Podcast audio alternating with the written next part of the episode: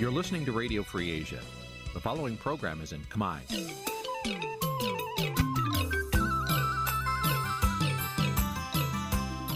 Nǐ chi càm bi tiệp xáy vệt chiu a zì sê ray នេះជាកម្មវិធីផ្សាយរបស់ Vithu Azisari ជាភាសាខ្មែរ វិទ្យុអាស៊ីសេរីសូមស្វាគមន៍លោកអ្នកនាងទាំងអស់ពីរដ្ឋធានី Washington នៃសហរដ្ឋអាមេរិក ចាប់ពីរដ្ឋធានី Washington នាងខ្ញុំម៉ៅសុធានីសូមជម្រាបសួរលោកអ្នកស្ដាប់ទាំងអស់ជាទីមេត្រីចាយើងខ្ញុំសូមជូនការផ្សាយសម្រាប់ព្រឹកថ្ងៃសុក្រ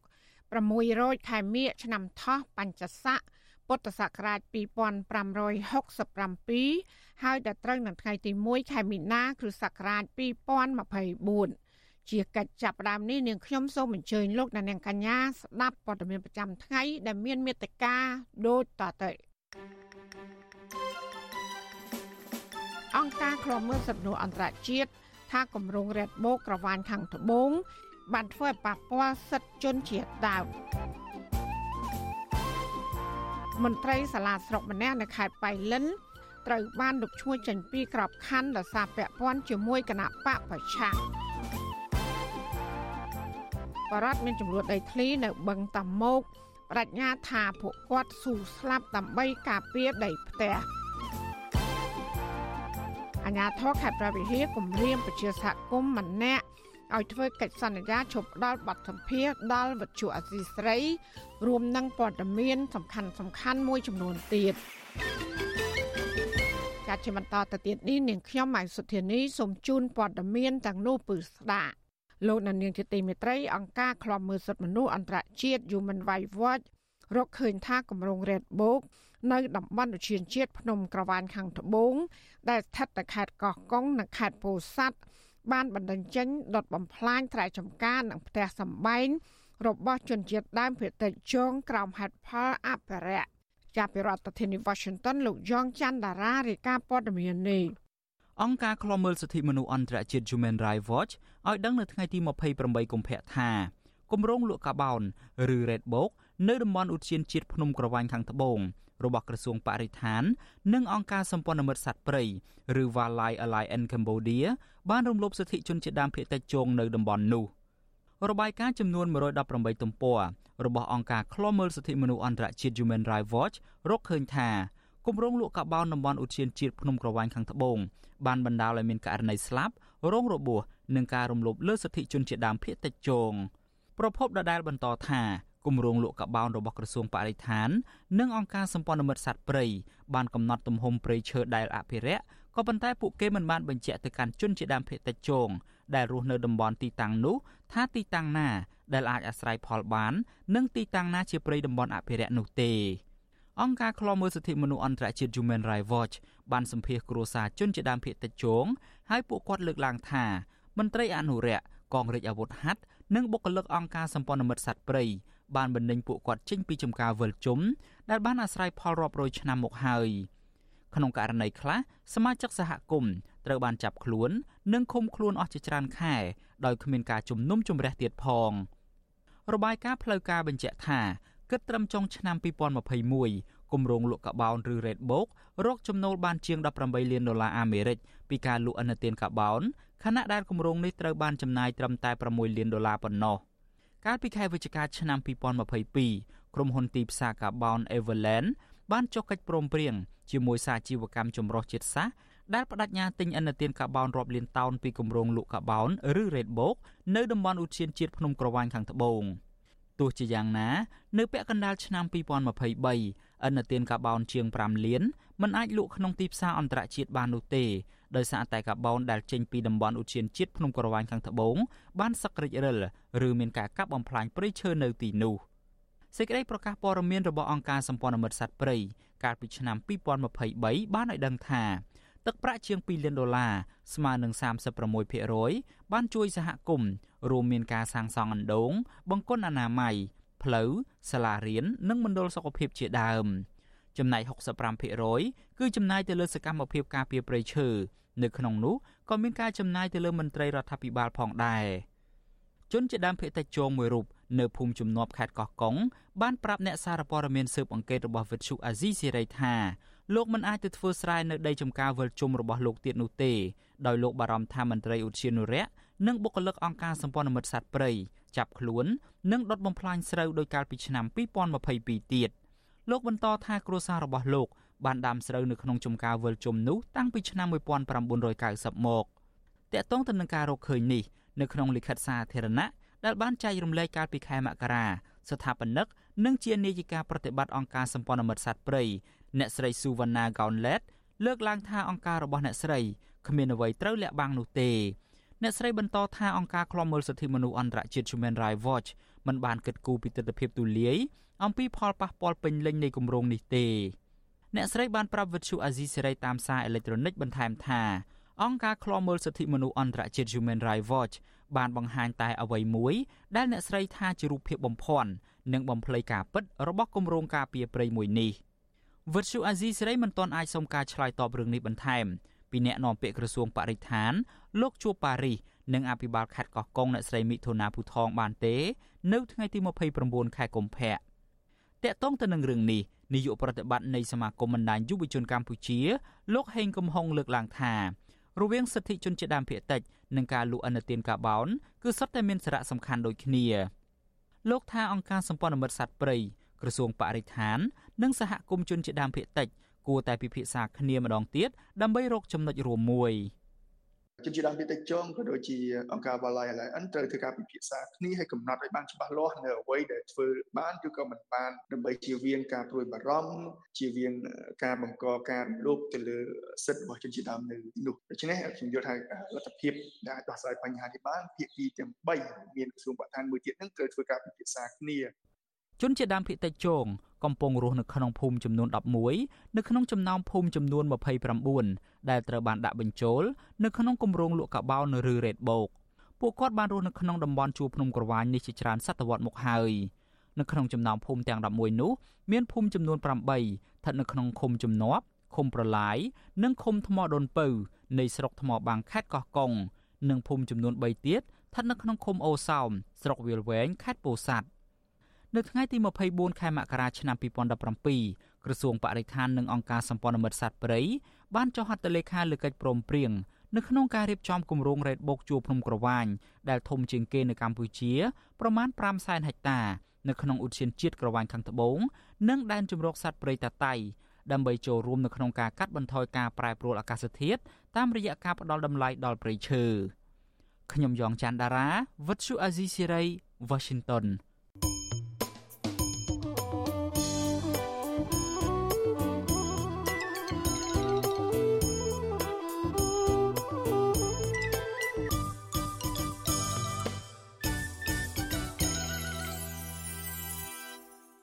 ចាលោកនាយកជាទីមេត្រីអតីតនាយករដ្ឋមន្ត្រីលោកហ៊ុនសែនក្រុងនឹងទៅដឹកនាំស្ថាប័នប្រតិភិក្រោយពីបានប្រគល់តួនាទីជានាយករដ្ឋមន្ត្រីឲ្យកូនប្រុសច្បងរបស់លោកក្រុមអ្នកច្បាប់ជាតិនិងអន្តរជាតិលើកឡើងថាកម្ពុជាមិនត្រឹមតែជាប្រទេស ដែលមានបកតែមួយដឹកនាំនោះទេក៏ប៉ុន្តែកម្ពុជាក្លាយជារដ្ឋដែលគ្រួសារតែមួយគ្រប់គ្រង។ ចាសសេចក្តីរាយការណ៍ពីស្ដាមពីរឿងនេះលោកណានៀងនឹងបានស្ដាប់នាពេលបន្តិចទៀតនេះ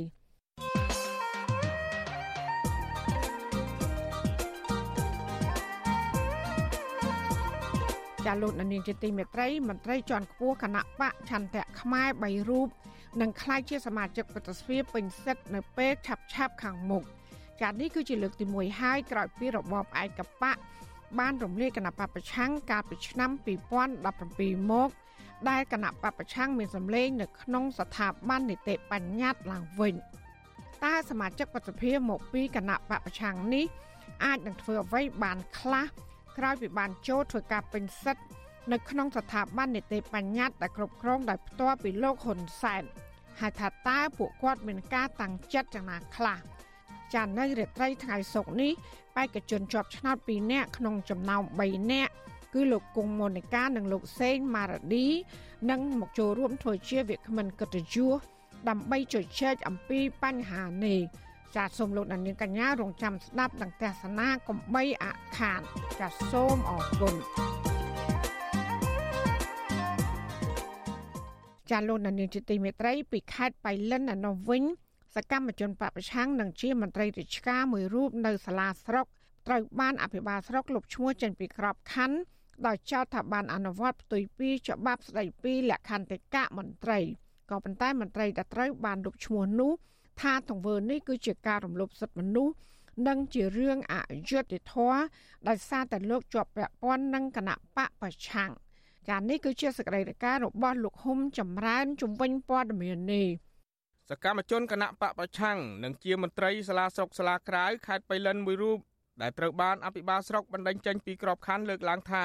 ការលុបឈ្មោះតាមអំពើចិត្តរបស់អភិបាលស្រុកនេះជាការចោទប្រកាន់ដោយគ្មានមូលដ្ឋាននិងមិនបានអនុវត្តតាមសហលក្ខន្តិកៈមន្ត្រីរាជការអគ្គលេខាគណៈបកភ្លើងទៀននិងជាមន្ត្រីគ្រប់គ្រងរដ្ឋបាលនៃរដ្ឋបាលសាលាស្រុកសាលាក្រៅខេត្តបៃលិនលោកសុនពិសិដ្ឋប្រាប់វិទ្យុអាស៊ីសេរីនៅថ្ងៃទី29កុម្ភៈថា លោកចាត់ទុកការលុបឈ្មោះលោកចេញពីក្របខ័ណ្ឌនេះជារឿងអយុត្តិធម៌ហើយមានចរិតនយោបាយច្រើនជាងការអនុវត្តច្បាប់ដោយសារលោកមាននិន្នាការនយោបាយខុសពីគណៈបកកាន់អំណាចលោកអះអាងថាលោកមិនធ្លាប់ប្រើប្រាស់ម៉ោងការងាររដ្ឋឬសម្ភារៈរដ្ឋទៅបម្រើផលប្រយោជន៍បុគ្គលឬគណៈបកណាមួយនោះទេក្នុងរយៈពេលជាង10ឆ្នាំដែលលោកធ្វើការក្នុងក្របខ័ណ្ឌមន្ត្រីរាជការលោក នឹងបន្តតវ៉ាទាមទារឲ្យមានការបកស្រាយពីអភិបាលស្រុកនិងរដ្ឋបាលខេត្តអំពីការលុបឈ្មោះលោកចេញពីក្របខ័ណ្ឌនេះ។អ្វីដែលខ្ញុំចង់ឲ្យខាងរដ្ឋបាលស្រុកក៏ដូចជារដ្ឋបាលខេត្តដែលជាអ្នកចោទថាឬក៏លុបឈ្មោះខ្ញុំចេញហ្នឹងគឺចង់ឲ្យគាត់ហ្នឹងធ្វើការបកស្រាយតាក់ទងទៅនឹងកំហុសតើជាកំហុសអីក្នុងម៉ោងអីកន្លែងណាខែណាវាអត់មានចោលតែសោះណា ហើយដល់ពេលទៅគឺថាមកដេញស្ដែងស្ដែងដូចជាបទល្មើសព្រហ្មទណ្ឌជាក់ស្ដែងឬក៏អីហ្នឹងយើងអាចបណ្ដេញចេញភ្លាមភ្លាមបានប៉ុន្តែមនុស្សដែលអត់មានដឹងអីសោះថាឈឺអីអីផងហើយមកដូចថាដេញយើងចេញទាំងស្រុងអញ្ចឹងវាដូចអត់អត់ទំនងវាអត់សមវាអយុត្តិធម៌អភិបាលស្រុកស្លាក្រៅលោកសៀមសុខុមកាលពីថ្ងៃទី26ខែកុម្ភៈបានចេញលិខិតលុបឈ្មោះលោកសុនពិសិដ្ឋចេញពីមន្ត្រីក្របខ័ណ្ឌរដ្ឋបាលសាលាស្រុកស្លាក្រៅ ក្រោមហេតុផលបានប្រព្រឹត្តផ្ទុយពីមាត្រា37នៃច្បាប់ស្តីពីសហលក្ខន្តិកៈមន្ត្រីរាជការស៊ីវិលមាត្រា37នៃច្បាប់ស្តីពីសហលក្ខន្តិកៈមន្ត្រីរាជការស៊ីវិលចែងថាមន្ត្រីរាជការត្រូវមានអព្យាក្រឹតភាពក្នុងសកម្មភាពការងារនិងហាមឃាត់ដាច់ខាតនៅការប្រើប្រាស់នៅមុខងាររបស់ខ្លួននិងសម្ភារៈរដ្ឋ ដើម្បីបម្រើសកម្មភាពនយោបាយដោយការបម្រើផលប្រយោជន៍បេក្ខជន ឬគណៈបកនយោបាយឬក៏ប្រឆាំងនឹងបេក្ខជនឬគណៈបកនយោបាយណាមួយវិទ្យុអាស៊ីសេរីនៅមិនទាន់អាចតាក់ទងអភិបាលស្រុកស្លាក្រៅលោកសៀមសុខុមដើម្បីបកស្រាយជុំវិញបញ្ហានេះបានទេ នៅថ្ងៃទី29ខែកុម្ភៈចំណែកអភិបាលខេត្តបៃលិនអ្នកស្រីបានស្រីមុំក៏មិនទាន់អាចតាក់ទងបានដែរនៅថ្ងៃដដែលនេះ នាយកទទួលបន្ទុកកិច្ចការទូតនៃអង្គការឃ្លាំមើលសិទ្ធិមនុស្សលីកាដូលោកអំសំអាត មានប្រសាសន៍ថាការលុបឈ្មោះមន្ត្រីរាជការចេញពីក្របខ័ណ្ឌលុះត្រាតែមានការអនុវត្តវិន័យមន្ត្រីរាជការដោយលក្ខខណ្ឌច្បាស់លាស់ជាដើមលោកបន្តថាដើម្បីកុំឲ្យមានការរិះគន់ពីមហាជន ស្ថាប័នពាក់ព័ន្ធគួរបង្ហាញពីកំហុសឆ្គងឲ្យបានច្បាស់លាស់ដល់សម័យខ្លួនដែលត្រូវបានលុបឈ្មោះចេញពីក្របខ័ណ្ឌអញ្ចឹងបើសិនជាការបញ្ឈប់ ឬក៏បញ្ចប់ក្របខ័ណ្ឌនៃមន្ត្រីរាជការណាមួយដែលមិនបានលើកឡើងអំពីមូលហេតុនិងមូលដ្ឋានច្បាស់លាស់ឬកំហុសឆ្គងច្បាស់លាស់នឹងវានាំឲ្យមានការរិះគន់ហើយជាពិសេសគឺតកតងនឹងមន្ត្រីរាជការណាដែលគាត់មាននិន្នាការមិនស្របទៅទៀតអានឹងវាអាចនឹងធ្វើឲ្យមានការរិះគន់ច្រើន នេះជាលើកទី2ហើយដែលរដ្ឋបាលខេត្តបៃលិនបណ្ដេញមន្ត្រីរាជការចេញពីក្របខ័ណ្ឌក្រោមហេតុផលរើសអើងនិន្នាការផ្ទុយពីរដ្ឋាភិបាលអតីតមន្ត្រីជាន់ខ្ពស់នៃមន្ទីរសុខាភិបាល និងជាប្រធានប្រតិបត្តិគណៈបកភ្លើងទៀនខេត្តបៃលិនលោកខឹមមនីកសលដែលត្រូវបានអភិបាលខេត្តបៃលិនអ្នកស្រីបានសៃមុំបណ្ដេញចេញពីក្របខ័ណ្ឌកាលពីឆ្នាំ2021ហើយកំពុងភៀសខ្លួនដើម្បីរក្សាសុវត្ថិភាពនៅប្រទេសថៃប្រាប់វិទ្យុអាស៊ីសេរីថា ការលុបឈ្មោះលោកសុនពិសិដ្ឋចេញពីក្របខ័ណ្ឌគ្រប់គ្រងរដ្ឋបាលនៃរដ្ឋបាលសាលាស្រុកសាលាក្រៅជាការរើសអើងផ្នែកនយោបាយដោយសារតែលោកសុនពិសិដ្ឋជាសកម្មជនគណៈបកប្រឆាំងនិងម្ដាយជាអតីតក្រុមប្រឹក្សាខេត្តជាប់ឆ្នោតមកពីគណៈបកសង្គ្រោះជាតិគឺអ្នកស្រីវ៉ែនតារាលោកថ្លែងថាការអនុវត្តច្បាប់ស្ដីពីសហលក្ខន្តិកៈមន្ត្រីរាជការនេះមានស្តង់ដារ2ដោយអនុវត្តសម្រាប់តែអ្នកមាននិន្នាការផ្ទុយពីរដ្ឋាភិបាលប៉ុណ្ណោះ ប៉ុប៉ុន្តែបើយើងមើលត្រឡប់ទៅវិញមាត្រាហ្នឹងបើសិនជាគេអនុវត្តបែបហ្នឹងមន្ត្រីរបស់គណៈបកប្រជាជនសឹងតែគ្មានសល់ម្នាក់ទេត្រូវបណ្ដឹងចេញពីពីរាជការដូចគ្នាពីពួកពួកគេធ្វើសកម្មភាពគ្រប់គ្រងគណៈបកប្រជាជនដោយបើកចំហប៉ុន្តែពួកគេមិនមានការចាប់ទោសអូសដំណើរអ្វីទេប៉ុន្តែផ្ទុយទៅវិញពួកយើងដែលជាមន្ត្រីគណៈបកភ្លើងទៀនមន្ត្រីគណៈបកសង្គ្រោះជាតិកន្លងមកហ្នឹងគឺតែងតែយកមកអនុវត្តកន្លងទៅ សកម្មជនគណៈបកភ្លើងទៀនមួយចំនួនត្រូវបានបណ្តេញចេញពីក្របខ័ណ្ឌរដ្ឋក្នុងនោះមានលោកសុនវុធាគ្រូបង្រៀននៅវិទ្យាល័យសេរីសុផាន់ខេត្តបន្ទាយមានជ័យលោកអ៊ីមួយលីមន្ត្រីរាជការផ្នែកច្បាប់នៃអគ្គលេខាធិការដ្ឋានរដ្ឋសភាលោកផុនសុភាមន្ត្រីបម្រើការងារនៅការិយាល័យកសាងសមត្ថភាពនៃទីចាត់ការគ្រប់គ្រងធនធានមនុស្សនៃសាលាខេត្តកណ្ដាលលោកកៅសុមនីមន្ត្រីបម្រើការនៅនាយកដ្ឋានសុខភាពផ្លូវចិត្ត និងបំពេញគ្រឿងញៀននៃក្រសួងសុខាភិបាលលោកអេងស្រួយគ្រូបង្រៀននៅអង្គភាពក្រុមប្រឹក្សាអភិវឌ្ឍគ្រូបង្រៀននគរបាលនៃរាជបណ្ឌិតសភានគរបាលកម្ពុជានិងលោកខមនីកុសលមន្ត្រីសុខាភិបាលជាន់ខ្ពស់នៃមន្ទីរសុខាភិបាលខេត្តបៃលិនប៉ុន្តែមន្ត្រីទាំងឡាយដែលចោះចូលជាមួយគណៈបកប្រជាជនកម្ពុជានឹងទទួលបានក្របខ័ណ្ឌរដ្ឋមកវិញដោយឡែកសម្រាប់មន្ត្រីរាជការទាំងឡាយដែលបម្រើផលប្រយោជន៍ឲ្យគណៈបកប្រជាជនកម្ពុជាវិញ ពួកគេមិនត្រឹមតែមិនត្រូវបានបណ្តេញចេញពីក្របខ័ណ្ឌរដ្ឋនោះទេថែមទាំងទទួលបានទួនាទីកាន់តែធំថែមទៀតផង ជាក់ស្ដែងកន្លងមកមន្ត្រីរាជការស៊ីវិលមន្ត្រីតុលាការកងកម្លាំងប្រដាប់អាវុធអគ្គរដ្ឋទូតនិងមន្ត្រីរដ្ឋាភិបាលជាច្រើនតែងចំណាយពេលវេលានិងធនធានរដ្ឋចុះទៅពង្រឹងគណៈបកកណ្ដាលអំណាចស្ទើររៀងរាល់ពេលនៅតាមមូលដ្ឋានលើសពីនេះ មន្ត្រីខ្លះទៀតយកទីតាំងស្ថាប័នកន្លែងជួបជុំគណៈបកកណ្ដាលអំណាចជាដើម ដែលធ្វើឲ្យមានការបែងចែករវាងគណៈបកនិងរដ្ឋទោះជាយ៉ាងណា មន្ត្រីទាំងនោះតែងទទួលបានការលើកទឹកចិត្តពីរដ្ឋាភិបាលលោកហ៊ុនសែននិងលោកហ៊ុនម៉ាណែតទៅវិញខ្ញុំបាទហុំចម្រើនវិទ្យុអាស៊ីសេរីពីរដ្ឋធានី Washington ចាលោកនាងកញ្ញាជាទីមេត្រីដំណើរគ្នានឹងស្ដាប់ការផ្សាយរបស់វិទ្យុអសីស្រី តាមបណ្ដាញសង្គម Facebook YouTube និង Telegram លោកនាងក៏អាចស្ដាប់ការផ្សាយរបស់យើងតាមរយៈរលក ធាតុអាកាសខ្លីឬ Shortwave តាមកម្រិតនិងកម្ពស់ដូចតទៅចាប់ពីព្រឹកចាប់ពីម៉ោង5កន្លះដល់ម៉ោង6កន្លះតាមរយៈប៉ុស SW 93.90 MHz ស្មើនឹងកម្ពស់ 32m និងប៉ុស SW 11.85 MHz ស្មើនឹងកម្ពស់ 25m ចាសម្រាប់ពេលយប់វិញ គឺចាប់ពីម៉ោង7កន្លះដល់ម៉ោង8កន្លះគឺតាមរយៈប៉ុស SW 93.30 MHz ស្មើនឹងកម្ពស់ 32m ប៉ុស SW 11.88 MHz ស្មើនឹងកម្ពស់ 25m និងប៉ុស SW 15.15 MHz ស្មើនឹងកម្ពស់ 20m ចាសសូមអរគុណ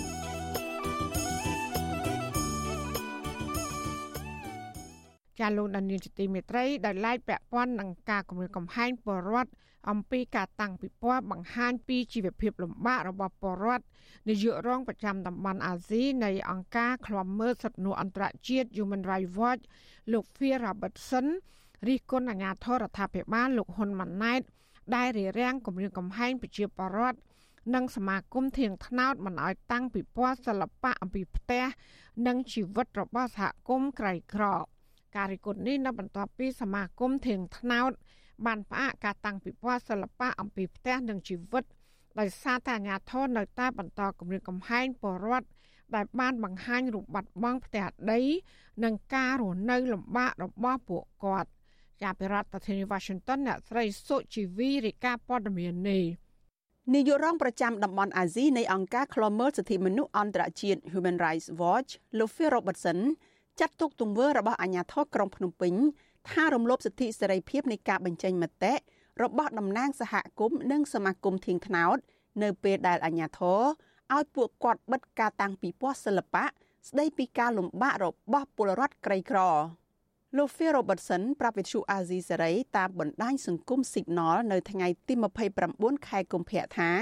ក្នុងស្ថានភាពដែលពលរដ្ឋបង្ខំចិត្តរស់នៅផ្ទះទ្រុឌទ្រោមអាជ្ញាធរគួរតែចំណាយពេលវេលា ជាមួយសហគមន៍ក្រីក្រ ដើម្បីជួយដោះស្រាយបញ្ហាជូនគាត់ ជាជាងមិនអើពើនិងធ្វើសកម្មភាពគំរាមកំហែងនៅពេលពួកគាត់សម្ដែងមតិលោកសង្កត់ធ្ងន់ថាការបង្ខំឲ្យសហគមន៍និងអង្គការសង្គមស៊ីវិល បិទការតាំងពិព័រណ៍សិល្បៈអំពីផ្ទះនិងជីវិត បង្ហាញថារដ្ឋាភិបាលកម្ពុជា បានរំលោភយ៉ាងច្បាស់ទៅលើកាតព្វកិច្ចរបស់ខ្លួនក្នុងការការពារសេរីភាពនៃការបញ្ចេញមតិដែលមានចែងនៅក្នុងកតិកាសញ្ញាអន្តរជាតិស្តីពីសិទ្ធិពលរដ្ឋនិងសិទ្ធិនយោបាយដែលកម្ពុជា បានផ្ដល់សេចក្ដីបានអង្គការសមាគមធៀងថ្នោតបានរៀបចំព្រឹត្តិការណ៍ពិព័រណ៍រូបថតស្ដីពីផ្ទះនិងជីវិតពីថ្ងៃទី23ខែកុម្ភៈដល់ថ្ងៃទី4ខែមិនិនា ក្នុងភោជនីយដ្ឋានមួយកន្លែងនៅក្នុងខណ្ឌច្បារអំពើដើម្បីឲ្យសាធារណជន បានយល់ដឹងពីបញ្ហារបស់ពលរដ្ឋនៅក្នុងសហគមន៍ក្រីក្រក្នុងរាជធានីភ្នំពេញពីពណ៌រូបថតស្ដីពីផ្ទះនិងជីវិតបង្ហាញពីទុកលំបាករបស់ពលរដ្ឋក្រីក្រ បញ្ហាប្រឈមនានារបស់សហគមន៍នៅទីក្រុង ដែលពួកគាត់ភ័យច្រើនខ្វះការយកចិត្តទុកដាក់និងពុំមានការផ្ដល់កិច្ចគាំពៀពីសំណាក់រដ្ឋាភិបាលលើសពីនេះ ពលរដ្ឋនៅតាមសហគមន៍ក្រីក្រមិនមានសិទ្ធិនៅក្នុងការសាងសង់លំនៅឋានសម្រាប់ស្នាក់នៅហេដ្ឋារចនាសម្ព័ន្ធមិនគ្រប់គ្រាន់ទឹកលិចក្នុងរដូវវស្សានិងខ្លះទៀតថែមទាំងទទួលរងពាក្យបណ្ដឹងពីតុលាការដោយសារតែតវ៉ាទាមទារផ្ទះនិងដីធ្លីដែលត្រូវឈ្មួញអ្នកមានលុយមានអំណាចរំលោភបំពានប៉ុន្តែមកដល់ពេលនេះគម្រោងពីពណ៌នេះត្រូវផ្អាកដោយសារតែអាជ្ញាធររារាំងដោយពុំមានបញ្ជាក់ពីមូលហេតុច្បាស់លាស់ណាមួយនៅឡើយ តំណាងសហគមន៍មានទំនាស់ដីធ្លីនៅបឹងតមោកលោកស្រីសឿនស្រីសុតប្រាប់វិទ្យុអាស៊ីសេរីនៅថ្ងៃទី29ខែកុម្ភៈថាបើអាជ្ញាធរនិងរដ្ឋាភិបាលមិនចង់ឃើញរូបថតស្ដីពីបញ្ហាទុកលំបាករបស់ពលរដ្ឋរដ្ឋាភិបាលគួរតែដោះស្រាយបញ្ហាជូនពលរដ្ឋប្រកបដោយតម្លាភាពដោយពុំគួរហាមឃាត់គម្រាមកំហែងពលរដ្ឋសម្ដែងមតិស្របច្បាប់នោះទេលោកស្រីចាត់ទុកទង្វើបែបនេះថាជាការរំលោភសិទ្ធិរបស់ពលរដ្ឋធ្ងន់ធ្ងរ ទោះបីមិនឲ្យពួកខ្ញុំតាំងពីពណ៌ឆោពីសហគមន៍ដែលរងគ្រោះក្នុងការដោះដូរទៅនៅទីតាំងថ្មីរងជាពិបាកមិនខ្លះតែពួកខ្ញុំនៅតែបន្តទៀមទាស្រែករកយុទ្ធធននិងទៀមទាស្រែកសុំកិច្ចអន្តរាគមន៍ពីសម្ដេចនាយករដ្ឋមន្ត្រីនិងសុំឲ្យខាងអង្គការសហប្រជាជាតិតាមដានមើលឆ្លងទោសលើបុគ្គលដែលរំលោភសិទ្ធិប្រជាពលរដ្ឋនិងហាមឃាត់ពលរដ្ឋមិនឲ្យសំបីតែតាំងរូបថតបង្ហាញពីភាពជឿចាប់សំបីតែដីធ្លីមិនឲ្យរស់រានមានជីវិតបានស្រួលអញ្ចឹងសូមឲ្យអង្គការសហប្រជាជាតិគាត់ជួយតាមដានមើលដែលពួកខ្ញុំកំពុងតែរងគ្រោះមិនមានដំណោះស្រាយណាមួយសម្រាប់ប្រជាពលរដ្ឋពួកខ្ញុំវិទ្យុអាស៊ីសេរីនៅមិនទាន់អាចតាក់ទងแนะនាំពាក្យរងក្រសួងមហាផ្ទៃលោកទូចសុខៈដើម្បីសុំការបកស្រាយអំពីរឿងនេះបាននៅឡើយទេនៅថ្ងៃទី29ខែកុម្ភៈប្រធានគម្រោងសិទ្ធិលំនៅឋាននិងស្រាវជ្រាវនៃអង្គការសមាគមធៀងថ្នោតលោកសៀងមួយឡៃប្រាប់វិទ្យុអាស៊ីសេរីថាសមាគមធៀងថ្នោតកំពុងរងចាំដោះស្រាយនឹងការឆ្លើយតបពីក្រសួងមហាផ្ទៃដើម្បីបន្តដាក់តាំងពិព័រណ៍រូបថតស្ដីពីផ្ទះ និងជីវិតពលរដ្ឋក្រីក្រ លោកយល់ថាការបកស្រាយរបស់អាជ្ញាធរដែលថា សង្គមស៊ីវិលមិនបានសុំច្បាប់ពីអាជ្ញាធរមុននឹងដាក់តាំងពិព័រណ៍នេះគឺមិនសមហេតុផលឡើយលោកឲ្យដឹងថាអាជ្ញាធរនៅតែបន្តឃ្លាំមើលទីតាំងដែលសមាគមនិងពលរដ្ឋតាំងពិព័រណ៍និងហាមមិនឲ្យមានការតាំងរូបថត ស្ដីពីជីវិតពលរដ្ឋក្រីក្រនោះបន្តទៀតទេ គោលបំណងរបស់យើងហ្នឹងដែលយើងចង់បង្ហាញពីបញ្ហាឬក៏ទុកកង្វល់របស់សហគមន៍ក្រីក្រដែលវិច្រើនក៏មិនសូវមានការជិះទុកដាក់ហ្នឹងដើម្បីឲ្យទាំងអស់គ្នានឹងបានដឹងហើយចូលរួមផ្ដល់ជាដំណោះស្រាយដល់ពួកគាត់ទៅមកវិញអាសកម្មភាពហ្នឹងត្រូវបានរដ្ឋបတ်មិនត្រូវបានអាជ្ញាធរចង់ឲ្យបង្ហាញទៅដល់សាធារណជនអញ្ចឹងណាវាជាបញ្ហាមួយដែលធ្វើឲ្យបញ្ហារបស់សហគមន៍ដែលកំពុងជួបប្រទះហ្នឹងនៅតែបន្តមានបញ្ហាទៀតហើយបញ្ហាហ្នឹងវានៅតែបន្តកើតមានហើយមិនមានជាដំណោះស្រាយសម្រាប់ពួកគាត់ក៏ដូចជាបញ្ហាសម្រាប់សង្គមរបស់យើងលោកសៀងមួយឡៃសោស្ដាយដែលអាជ្ញាធរនៅតែបន្តរារាំងមិនឲ្យពលរដ្ឋនិងសមាគមធៀងថ្នោតបន្តតាំងពីពណ៌អំពីការលំបាករបស់ពលរដ្ឋក្រីក្រនេះលោកបញ្ជាក់ថាសមាគមធៀងថ្នោតរៀបចំព្រឹត្តិការណ៍រូបថតស្ដីពីផ្ទះនិងជីវិតក្នុងបំណងចង់បង្ហាញរដ្ឋាភិបាលបានដឹងដើម្បីស្វែងរកដំណោះស្រាយសម្រាប់ពលរដ្ឋដែលពុំគួររារាំងរដ្ឋបិទសិទ្ធិប្រមូលផ្ដុំសម្ដែងមតិរបស់ពលរដ្ឋបែបនេះឡើយសមាគមធៀងថ្នោតស្នើដល់ក្រសួងមហាផ្ទៃ សម្រួលឲ្យសមាគមនិងពលរដ្ឋអាចជួបជុំគ្នាបន្តទៀតរៀបចំការតាំងពិព័រណ៍ស្ដីពីជីវិតពលរដ្ឋក្រីក្រឡើងវិញ និងទាមទារឲ្យអាជ្ញាធរបញ្ឈប់ការធ្វើទុកបុកម្នេញនិងគំរាមកំហែងពលរដ្ឋបន្តទៀតនាងខ្ញុំសុជីវី With you Azizi Serai ពីរដ្ឋធានី Washington ចាលោកនាងជាទីមេត្រីតកតងនឹងប្រជាប្រដ្ឋដែលមានចំនួនដីធ្លី នៅបឹងតមោកវិញពួកគាត់បដិញ្ញាចិត្ត ថាស៊ូស្លាប់ដើម្បីការពារដីសហគមន៍របស់ពួកគាត់ពួកគាត់អះអាងថាដីផ្ទះគឺជាអាយុជីវិត និងជាជំរកសម្រាប់កូនកូនរបស់ពួកគាត់ប្រជាប្រដ្ឋនៅបឹងតាមុកនិងកុមារប្រមាណ700នាក់កាលពីថ្ងៃទី29ខែកុម្ភៈម្សិលមិញ បានជួបជុំគ្នាតវ៉ានៅខាងមុខផ្លូវ151នៅខណ្ឌព្រែកភ្នៅដើម្បីអរដ្ឋាភិបាលដោះស្រាយបញ្ហាដីធ្លីជូនពួកគាត់និងបញ្ឈប់ការប្រាអំពើហិង្សាលើស្ត្រីនិងកុមារពួកគាត់នាំគ្នាស្រែកទាមទាររកយុត្តិធម៌និងសំសិទ្ធរស់នៅលើដីលំនៅឋានរបស់ពួកគាត់ហើយអ្នកខ្លះទៀតបានកាន់បដាដោយសរសេរថាយើងខ្ញុំជាប្រជាពលរដ្ឋរស់នៅលើផ្លូវលេខ151 ភូមិសំរោងត្បូងមិនព្រមដោះដូរដីទេសូមអភិវឌ្ឍនៅនឹងកន្លែងជាដើមការតវ៉ានេះក៏មានការខ្លំមើលពីអាជ្ញាធរស្លៀកពាក់ស៊ីវិលនិងឯកសន្តានជិត20នាក់ផងដែរបរដ្ឋរនៅក្បែរបឹងតមោកលោកស្រីយន់កំយឿនប្រាប់បច្ចុប្បន្នស៊ីស្រីនៅថ្ងៃទី29ខែកុម្ភៈថាប្រសិនបើអត់ពីដីនិងផ្ទះលោកស្រីមិនដឹងរំពឹងអ្វីនោះទេ ពីព្រោះថាដីផ្ទះគឺជាមរតកចុងក្រោយ ដែលលោកស្រីបានបន្សល់ទុកឲ្យកូនលោកស្រីថាដោយសារតែអាញាធរបន្តធ្វើទុកបុកម្នេញធ្វើឲ្យរំខានដល់ការរស់នៅ និងធ្វើឲ្យកូនកូនរបស់លោកស្រីមិនបានទៅសាលារៀន។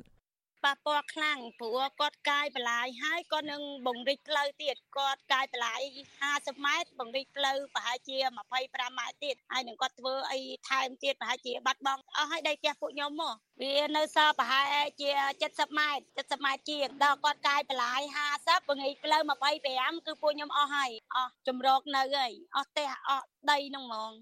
វត្ថុអសីស្រីមិនអាចតាក់ទងអភិបាលរាជធានីភ្នំពេញ លោកខួងស្រីនិងអភិបាលខណ្ឌប្រែកភ្នៅ លោកថឹមសំអាន ដើម្បីសុំការបកស្រាយជំវិញបញ្ហានេះបានទេ នៅថ្ងៃទី29ខែកុម្ភៈកាលពីថ្ងៃទី27ខែកុម្ភៈអាជ្ញាធរខណ្ឌប្រែកភ្នៅប្រមាណ200នាក់បានប្រាអំពើហិង្សាលើស្ត្រីនិងកុមារបណ្ដាលឲ្យស្ត្រីម្នាក់ដួលសន្លប់និងកុមារ7នាក់ទៀតរងរបួសស្រាលក្រោយដែលពួកគាត់រារាំងមិនឲ្យគ្រឿងចាក់ កាយប្រឡាយបង្ហូរទឹកស្អុយចូលផ្ទះពួកគាត់ប្រជាប្រដ្ឋអះអាងថាកូនកូនរបស់ពួកគាត់មិនហ៊ានទៅសាលារៀនទេពីព្រោះខ្លាចបាត់បង់ផ្ទះចាវិវាទដីធ្លីនេះបានអូសបន្លាយរយៈពេល75ឆ្នាំមកហើយធ្វើឲ្យប្រជាប្រដ្ឋមួយចំនួនធ្លាក់ខ្លួនក្រីក្រចំពាក់បំណុលធនាគារនិងក្មេងៗមួយចំនួនបោះបង់ការសិក្សាដោយសារពួកគេងាកមកជួយឪពុកម្ដាយរកប្រាក់ដោះស្រាយជីវភាពគ្រួសារ ប្រជាប្រដ្ឋទទូចអរដ្ឋាភិបាលអនុវត្តច្បាប់ឲ្យមានដំណាភាពនិងចេញបានកម្មសិទ្ធិដីធ្លីជូនពួកគាត់លោកដានៀងជាទីមេត្រីយើងបានទទួលសំណូមពរពីអ្នកស្ដាប់និងអ្នកទស្សនារបស់យើងច្រើនណាស់ថាកុំឲ្យដាក់ចំណងជើងផ្ទុយពីខ្លឹមសារនៃព័ត៌មាន។ ឧទាហរណ៍ដូចជាដាក់ចំណងជើងថា Vivo ហើយលោកហ៊ុនសែនត្រូវតឡាការប្រំពន្ធអន្តរជាតិ ICC យកទៅកាត់ទោសជាដើមក៏ប៉ុន្តែនៅពេលដែលចុចស្ដាប់ទៅ គឺមិនលឺនិយាយអំពីរឿងនេះសោះចាយើងខ្ញុំសូមជម្រាបថាការដាក់ចំណងជើង ដែលខុសពីខ្លឹមសារទាំងនេះគឺជាការបោកប្រាស់របស់ក្រុមរកស៊ីតាម YouTube ដើម្បីរកលុយតែប៉ុណ្ណោះ ពួកគេបានលួចយកខ្លឹមសារនៃការផ្សាយរបស់វិទ្យុអសីស្រី ទៅកាត់តរួចបដូរចំណងជើង តាមរបៀបប្លែកប្លែកហួសហេតុដែលខុសពីការពិតក្នុងគោលបំណងតាក់ទាញចិត្តលោកនាងឲ្យចុចស្ដាប់ឬទស្សនាដើម្បីបាន view ឬក៏បានអ្នកចូលទស្សនាច្រើនមានអ្នកចុចស្ដាប់កាន់តែច្រើន ពួកគេក៏កាន់តែរកប្រាក់បានច្រើននោះដែរចាទីស្រីមិនដែលដាក់ចំណងជើងខុសពីខ្លឹមសារនោះទេ លោកអ្នកនាងកញ្ញាអាចចូលរួមទប់ស្កាត់ការបោកប្រាស់ទាំងនេះបានដោយឈប់ចុចស្ដាប់ឬក៏ទស្សនាការចុះផ្សាយណាមួយ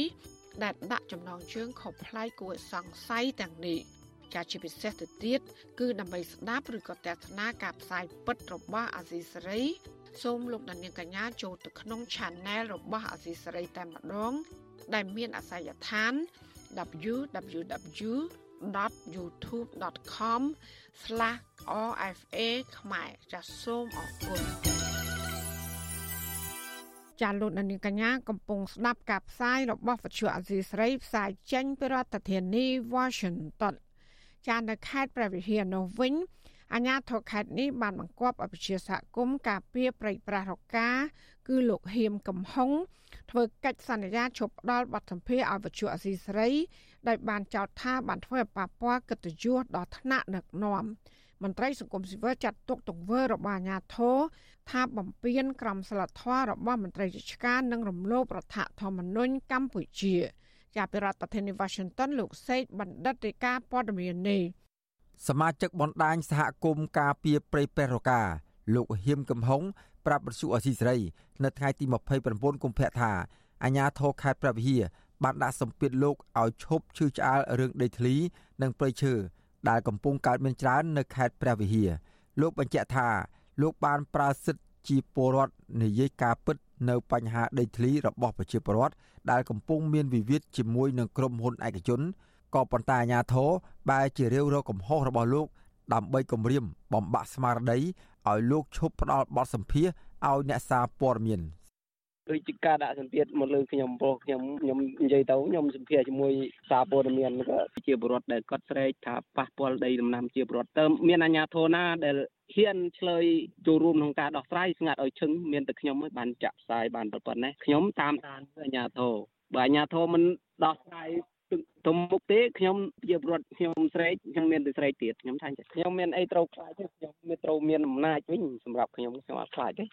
កាលពីថ្ងៃទី27កុម្ភៈមន្ត្រីការិយាល័យមន្ទីរកសិកម្មសុកឆែបលោកលីងស៊ីមឡូតនៃផ្នែករដ្ឋបាលព្រៃឈើលោកសេងលៀងនិងមេឃុំសង្កែមួយលោកលេវសុផល រួមទាំងសមត្ថកិច្ចបានបង្គាប់ឲ្យលោកហ៊ៀមកំហុងធ្វើកិច្ចសន្យា ក្នុងប៉ុស្តិ៍នគរបាលសង្កែមួយ កិច្ចសន្យា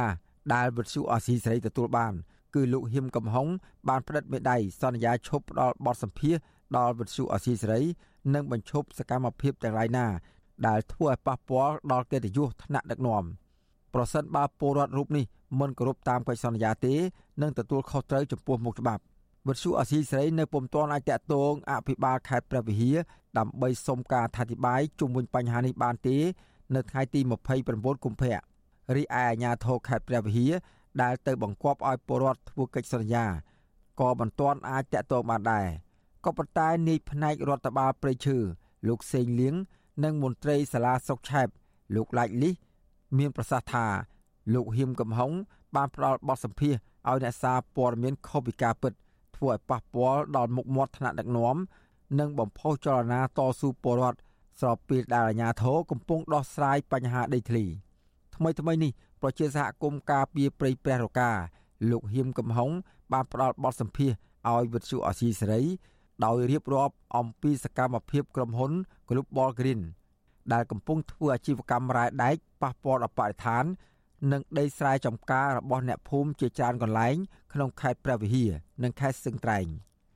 ជុំវិញរឿងនេះនាយកប្រតិបត្តិអង្គការពលលោកខ្មែរលោកប៉ាក់សុភ័ណ្ឌយល់ថា ទង្វើរបស់អាញាធរជាគំរូអាក្រក់មួយគំរាមបំបាក់ស្មារតីពលរដ្ឋបំពេញលើគោលការណ៍ច្បាប់ជាតិនិងអន្តរជាតិអញ្ញាធរហើយនឹងមន្ត្រីជំនាញនឹងកំពុងតែប្រព្រឹត្តបទល្មើស រូបភាពមួយរំលោភរំលោភសិទ្ធិសេរីភាពរបស់ពលរដ្ឋធ្ងន់ធ្ងរបាទស្របតាមប្រទេសកម្ពុជាយើងកំពុងតែប្រកាន់យកលទ្ធិប្រជាធិបតេយ្យសហគមន៍បញ្ចេញមតិចេញយោបល់ក្នុងកិច្ចការងារអភិវឌ្ឍហើយបែរជានាំគ្នាមកគម្រាមមកសម្លុតមកដាក់សម្ពាធបែបហ្នឹងជារូបភាពមួយអាក្រក់ហើយបាទអត់ល្អមើលទេបាទរដ្ឋធម្មនុញ្ញមាត្រា35ចែងថាពលរដ្ឋខ្មែរទាំងពីរភេទ មានសិទ្ធិចូលរួមយ៉ាងសកម្មក្នុងជីវភាពនយោបាយសេដ្ឋកិច្ចសង្គមនិងវប្បធម៌របស់ប្រទេសជាតិសេចក្តីស្នើទាំងឡាយរបស់ពលរដ្ឋត្រូវបានទទួលការពិនិត្យនិងដោះស្រាយយ៉ាងម៉ត់ចត់ពីអង្គការរដ្ឋលោកហ៊ៀមកំហុងបន្ថែមថាប្រសិនបើអាជ្ញាធរគោរពសិទ្ធិពលរដ្ឋនិងដោះស្រាយបញ្ហាដីធ្លីជូនពលរដ្ឋនៅក្នុងស្រុកឆែបដោយយុត្តិធម៌លោកនឹងផ្អាកផ្ដាល់បទសម្ភាសដល់អ្នកសារព័ត៌មានក៏ប៉ុន្តែបើអាជ្ញាធរមិនធ្វើដូច្នោះទេ លោកនឹងមិននៅស្ងៀមឡើយខ្ញុំបាទសេកបណ្ឌិតវិទ្យុអាស៊ីសេរីពីរដ្ឋធានីវ៉ាស៊ីនតោនចាលោកដានៀងជាទីមេត្រីនៅខេត្តប្រវត្តិហានេះដែរជនជាតិដើមភាគតិចគួយប្រមាណជាង30នាក់នាំគ្នាតវ៉ាប្រឆាំងនិងអាជ្ញាធរស្រុកត្បៃមានជ័យដោយបានចោទថាបានលួចធ្វើប្លង់ដីពួកគាត់លក់ទៅឲ្យអ្នកផ្សេងពួកគាត់ចាត់ទុកករណីនេះគឺជាការរំលោភសិទ្ធិដីធ្លីរបស់ពលរដ្ឋ ចាលោកទីនសាករាយារីកាព័ត៌មាននេះជនជាតិដើមភាគតិចគួយនៅឃុំប្រមេ បាននាំគ្នាឡើងតវ៉ានៅមុខសាលាស្រុកត្បែងមានជ័យនៅថ្ងៃទី29កុម្ភៈដើម្បីស្វែងរកដំណោះស្រាយពាក់ព័ន្ធនឹងរឿងចំនួនដីធ្លី ការឡើងមកតវ៉ានេះស្របពេលអភិបាលរងស្រុក លោកខឹមសិតបានកោះហៅបរដ្ឋទាំងនោះឲ្យចូលបំភ្លឺផងដែរសមាជិកសហគមន៍ជនជាតិដើមភាគតិចគួយ លោកជឿនធី នៅភូមិច្រាយព្រៀង ស្រុកត្បែងមានជ័យប្រាប់វិទ្យុអសិរ័យថាពួកលោកបាននាំគ្នាជាង30នាក់មកតវ៉ាដើម្បីទាមទារឲ្យអាជ្ញាធរដោះស្រាយរឿងដីធ្លី បន្ទាប់ពីថ្មីថ្មីនេះដីស្រែរបស់លោកជាង3ហិកតាត្រូវបានអាជ្ញាធរមូលដ្ឋានលួចធ្វើប្លង់លក់ឲ្យទៅបកគលឈ្មោះលឿងខឿនដោយគ្មានការជូនដំណឹងដល់ពួកលោកនោះទេ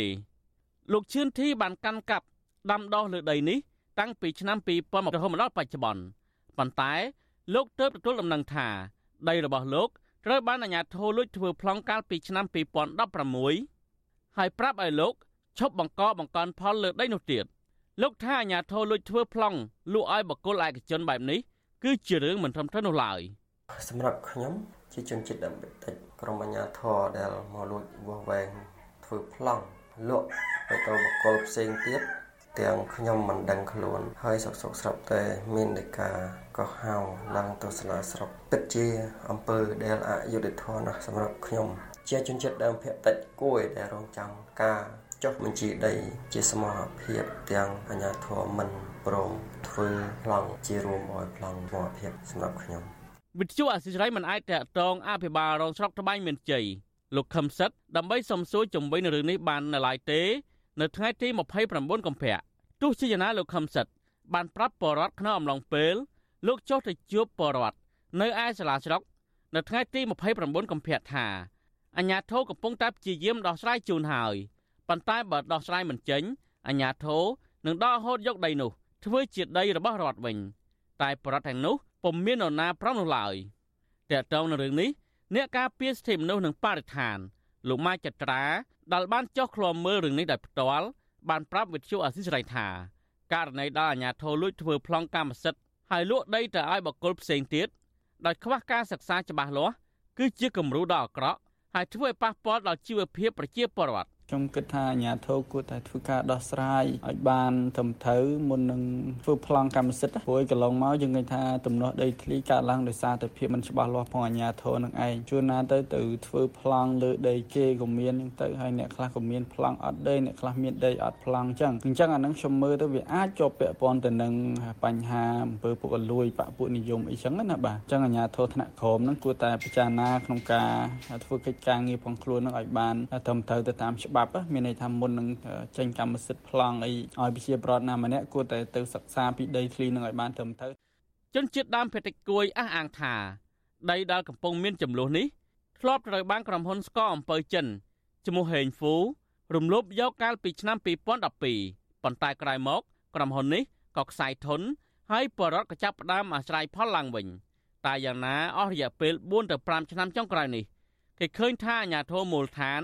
បែរជាយកដីនោះលក់ទៅឲ្យបកគលឯកជនខ្លះនិងដាក់ជួលខ្លះតាមតែអំពើចិត្តទោះជាយ៉ាងណាបរដ្ឋទាំងនោះបញ្ញាថានឹងបន្តទៀមទារហូតទាល់តែមានដំណោះស្រាយខ្ញុំបាទទីនសាការីយ៉ាស៊ីសេរី ប្រធានីវ៉ាស៊ីនតោនចាលោកនាយកជាទីមេត្រីកម្លាំងជំនាញមជ្ឈមណ្ឌលសកម្មភាពកម្ចាត់មីនកម្ពុជាស៊ីម៉ាក់បានដោះបន្សាបក្របបែកដ៏ធំមួយដ៏ជោគជ័យកាលពីថ្ងៃទី27ខែកុម្ភៈ ដែលបានបន្សល់ទុកពីការទម្លាក់ពីយន្តហោះចម្បាំងអាមេរិកនៅឃុំបោះខ្នោស្រុកចំការលើខេត្តកំពង់ចាមគេហទំព័រមជ្ឈមណ្ឌលសកម្មភាពកម្ចាត់មីនកម្ពុជាឲ្យដឹងថាក្របបែកនេះជាប្រភេទគ្រាប់ M117 ដែលមានទម្ងន់ជាង340គីឡូក្រាម ជាសំណល់យុទ្ធភ័ណ្ឌសង្គ្រាមអគ្គនាយកស៊ីម៉ាក់លោកហេងរតនាបញ្យល់ថាជាទូទៅក្របបែកទម្លាក់ពីលើអាកាសភាគច្រើន គឺធ្លាក់ក្បាលមុជមករកដីមុន តែខុសប្លែកក្របបែកមួយនេះបែរជាគូធ្លាក់មកមុនបុកចូលទៅក្នុងដីកប់ជម្រៅជាង5ម៉ែត្រប៉ុន្តែសំណាងល្អវាមិនបានផ្ទុះឡើយលោកបន្តថាទីតាំងរងការទម្លាក់ក្របបែកនៅកម្ពុជា មានចំនួនជាង110,000ទីតាំងសរុបមានទម្ងន់ចំនួនជាង4លានតោន និងក្របបែកចង្កោមជាង27លានកូនគ្រាប់ ក្នុងអំឡុងបេសកកម្មទម្លាក់គ្រាប់បែករបស់យន្តហោះអាមេរិកចំនួនជាង50ម៉ឺនលើកគិតចាប់ពីពាក់កណ្ដាលឆ្នាំ1965ដល់ឆ្នាំ1973មជ្ឈមណ្ឌលស៊ីម៉ាឲ្យដឹងបន្ថែមថាចាប់តាំងពីឆ្នាំ1992ដល់ចុងឆ្នាំ2023ក្រុមអ្នកជំនាញស៊ីម៉ាបានបោសសម្អាតដី បានជាង3000គីឡូម៉ែត្រការ៉េ ក្នុងនោះជាង76%សម្រាប់ប្រជាប្រដ្ឋប្រើប្រាស់បង្កបង្កើនផល និង5%ផ្សេងទៀតសម្រាប់សាងសង់លំនៅឋាន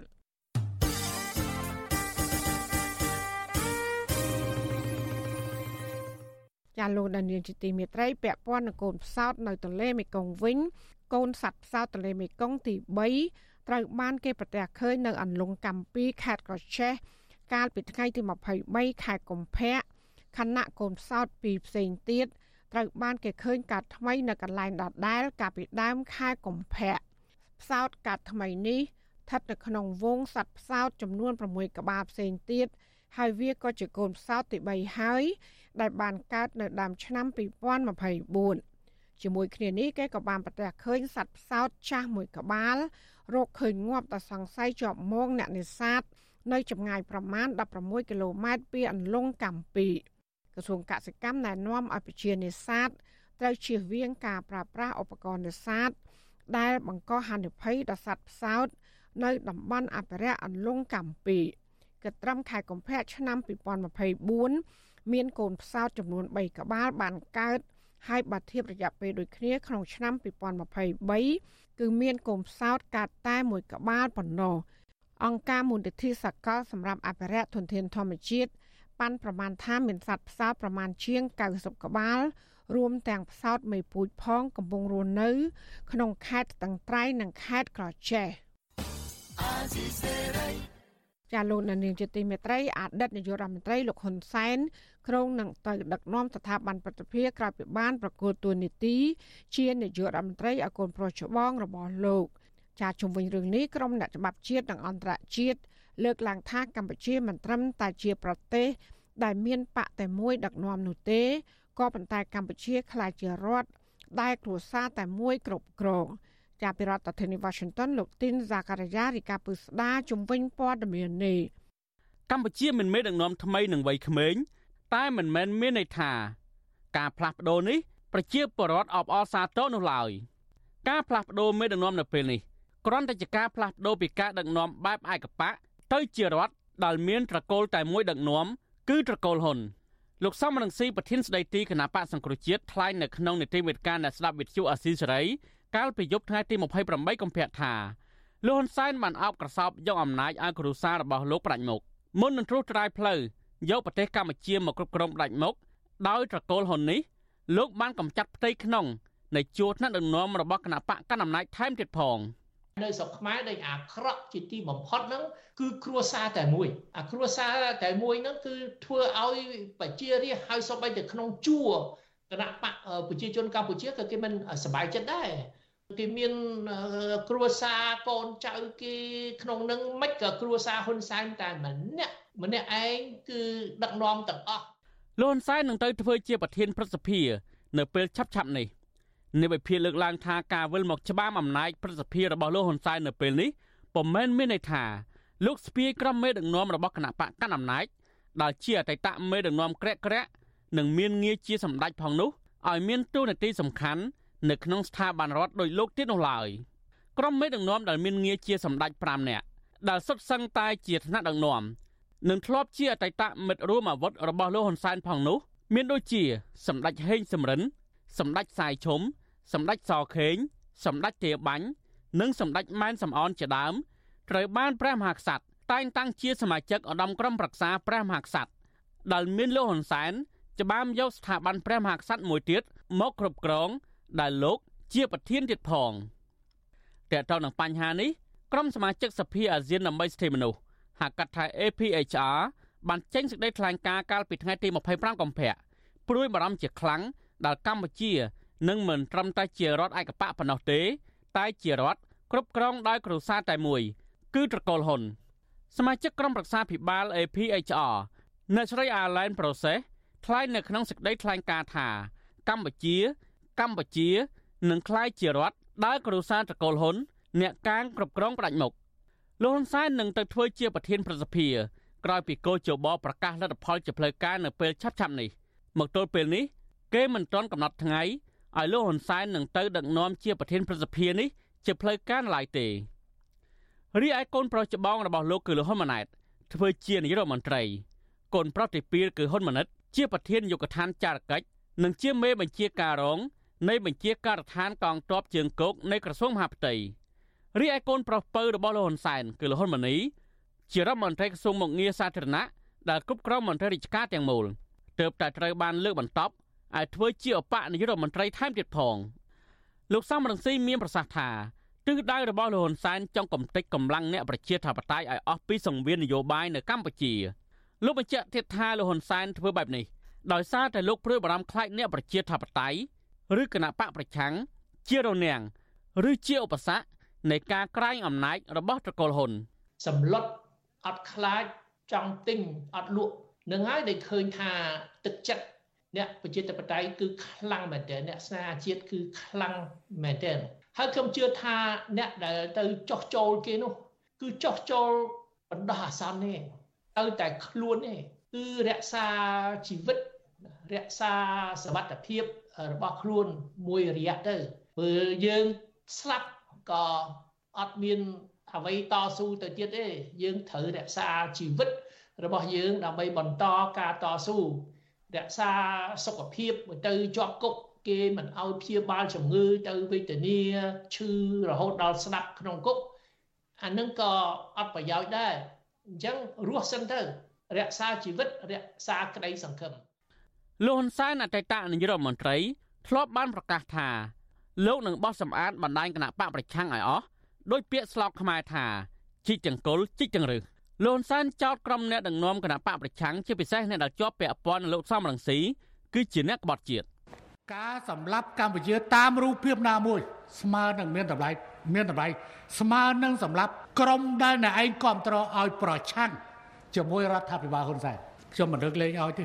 បានតែជ្រុលលេងគ្នាហើយវាត្រូវតែលេងអញ្ចឹងអាហ្នឹងវាលបែងមានទៅមានមកប៉ុន្តែយើងក្រំលំបាកទេអញ្ចឹងអាណាត្រៀមខ្លួនរត់ត្រៀមទៅបើថាអានោះមកដល់ អាណាត្រៀមរត់ទៅត្រៀមទៅក្រុមអ្នកការពារសិទ្ធិមនុស្សជាតិអន្តរជាតិធ្លាប់លើកឡើងថាលោកហ៊ុនសែនជាអតីតកម្មាភិបាលខ្មែរក្រហមផងនោះហ៊ានធ្វើអ្វីៗគ្រប់បែបយ៉ាងទោះជាអំពើនោះខុសច្បាប់ក៏ដោយក៏លោកមិនខ្លាចរអាដែរឲ្យតែរក្សាអំណាចត្រកូលហ៊ុនបាននៅគង់វង្សនាយករងទទួលបន្ទុកកិច្ចការតំបន់អាស៊ីនៃអង្គការឃ្លាំមើលសិទ្ធិមនុស្សអន្តរជាតិ Human Rights Watch លោក Phil Robertson ធ្លាប់ឲ្យអាស៊ីសេរីដឹងការពិភេកថ្មីថ្មីនេះថា លោកហ៊ុនសែនក្រៅពីប្រើប្រាស់ប្រព័ន្ធតុលាការជាឧបករណ៍ផ្ដាច់មុខរបស់ខ្លួនហើយនោះលោកក៏ជាមេកំណត់រៀបចំផែនការប្រើអំពើហិង្សាវាយដំសកម្មជននយោបាយដែលសកម្មថែមទៀតផង I mean it was very clear uh, back in January when Hun Sen យើងបានឃើញទាំងអស់គ្នាហើយថា កាលពីខែមករាលោកហ៊ុនសែនបានគម្រាមប្រើអំពើហិង្សាលើអ្នកនយោបាយប្រឆាំង គាត់ដឹកនាំរឿងទាំងនេះហើយកូនរបស់គាត់ក៏នឹងបន្តនយោបាយដូចគ្នានេះដែរដែលជួនណាក៏ដោយឲ្យតែហ៊ានបញ្ចេញមតិចំចំអាចនឹងត្រូវជន់មិនស្គាល់មុខលួចវាយប្រហារពីក្រៅខ្នងជាឧទាហរណ៍ករណីហិង្សាលើសកម្មជនគណៈបកភ្លើងទៀននៅភ្នំពេញ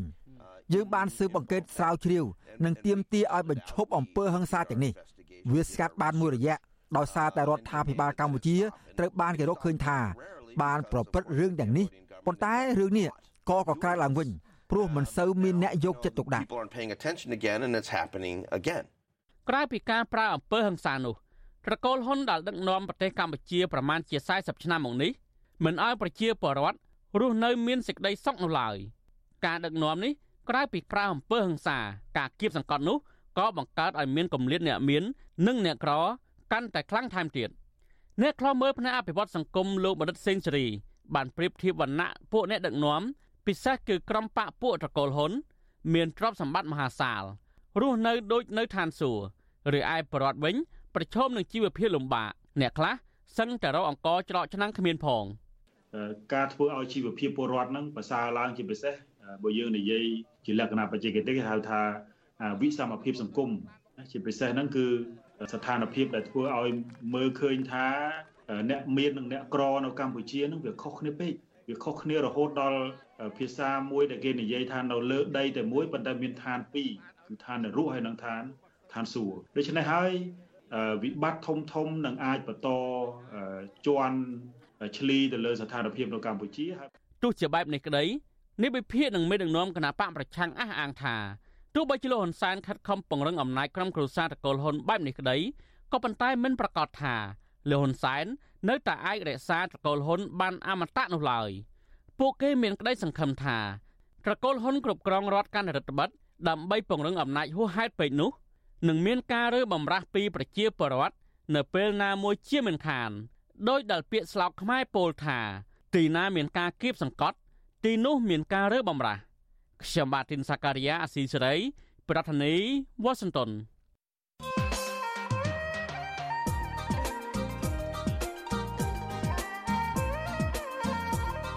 ចាលោកនាងជាទីមេត្រីមន្ត្រីជាន់ខ្ពស់គណៈបកឆន្ទៈខ្មែរ3រូប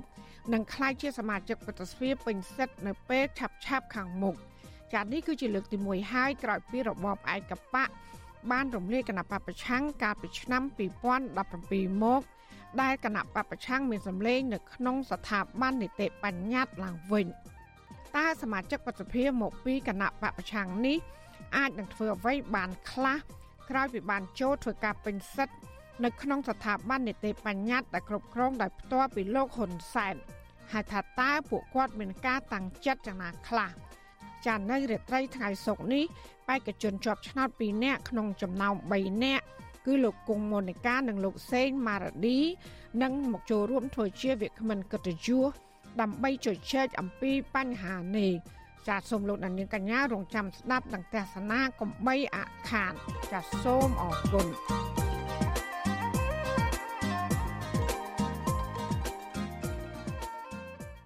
ចាលោកនានីជាទីមេត្រីរដ្ឋាភិបាលកម្ពុជា កំពុងប្រឹងប្រែងតាក់ទាញអ្នកទេសចរបរទេសជាពិសេសគឺជនជាតិចិនឲ្យបានកាន់តែច្រើនសម្រាប់ស្វែងរកចំណូលថវិកាជាតិ ក៏ប៉ុន្តែកំណើនភ្ញៀវទេសចរបរទេសมันបានឆ្លើយតបនឹងកិច្ចខំប្រឹងប្រែងតាក់ទាញនេះឡើយដោយសារតែភ្ញៀវទេសចរព្រួយបារម្ភអំពីសុវត្ថិភាពជាពីរដ្ឋធានី Washington អ្នកត្រីសុជីវី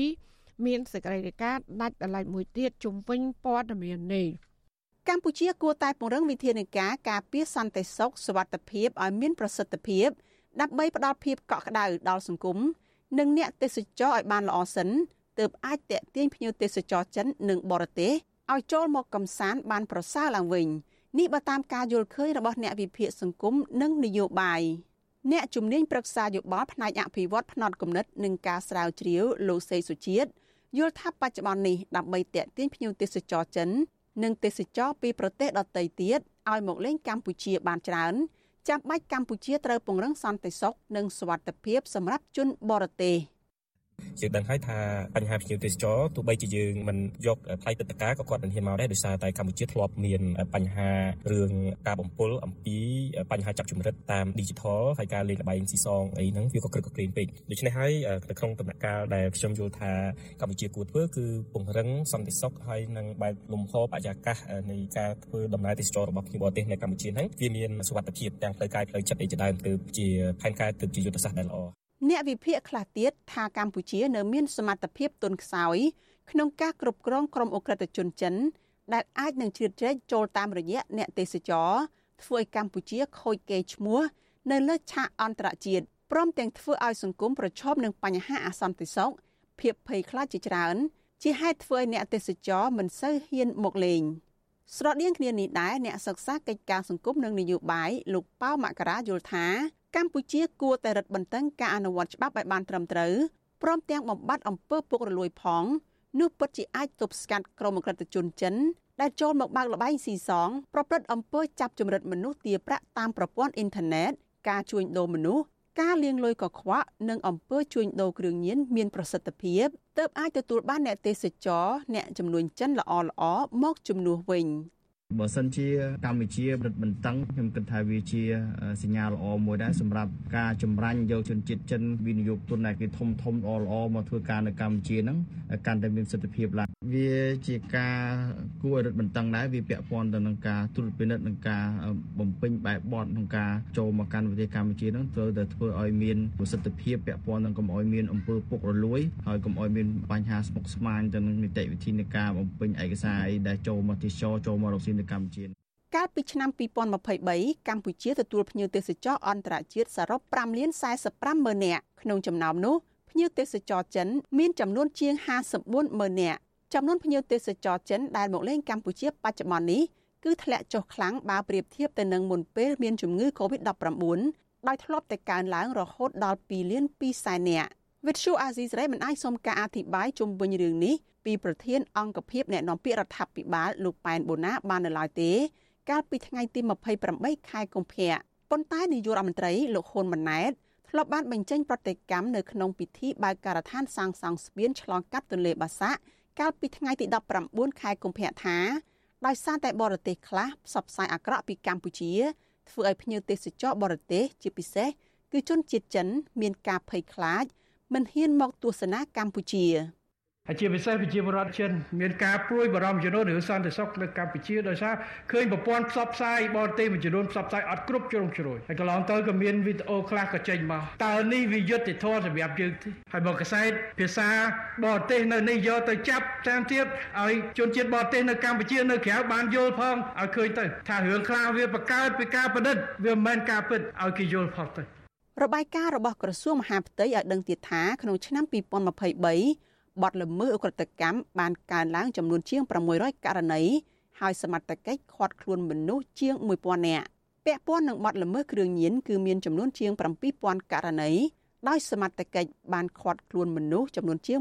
17000នាក់ដែលក្នុងចំណោមនោះមានជនបរទេសចំនួនជាង400នាក់មកពី15សញ្ជាតិនាងខ្ញុំសុជីវី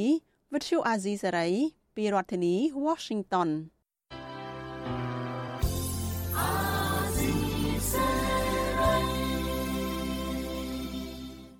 ចាលោកលានាងកញ្ញាអ្នកស្ដាប់ជាទីមេត្រីការផ្សាយរយៈពេល1ម៉ោងរបស់វិទ្យុអាស៊ីស្រីជាភាសាខ្មែរនៅពេលនេះចាប់តែប៉ុណ្ណេះចាយើងខ្ញុំទាំងអស់គ្នាសូមជូនពរលោកលានាងនិងក្រុមគ្រួសារទាំងអស់សូមជួបប្រកបតែនឹងសេចក្តីសុខសេចក្តីចម្រើនជានិរន្តរ៍ ចានាងខ្ញុំម៉ៃសុធានីព្រមទាំងក្រុមការងារទាំងអស់របស់អាស៊ីស្រីសូមអរគុណនិងសូមជម្រាបលា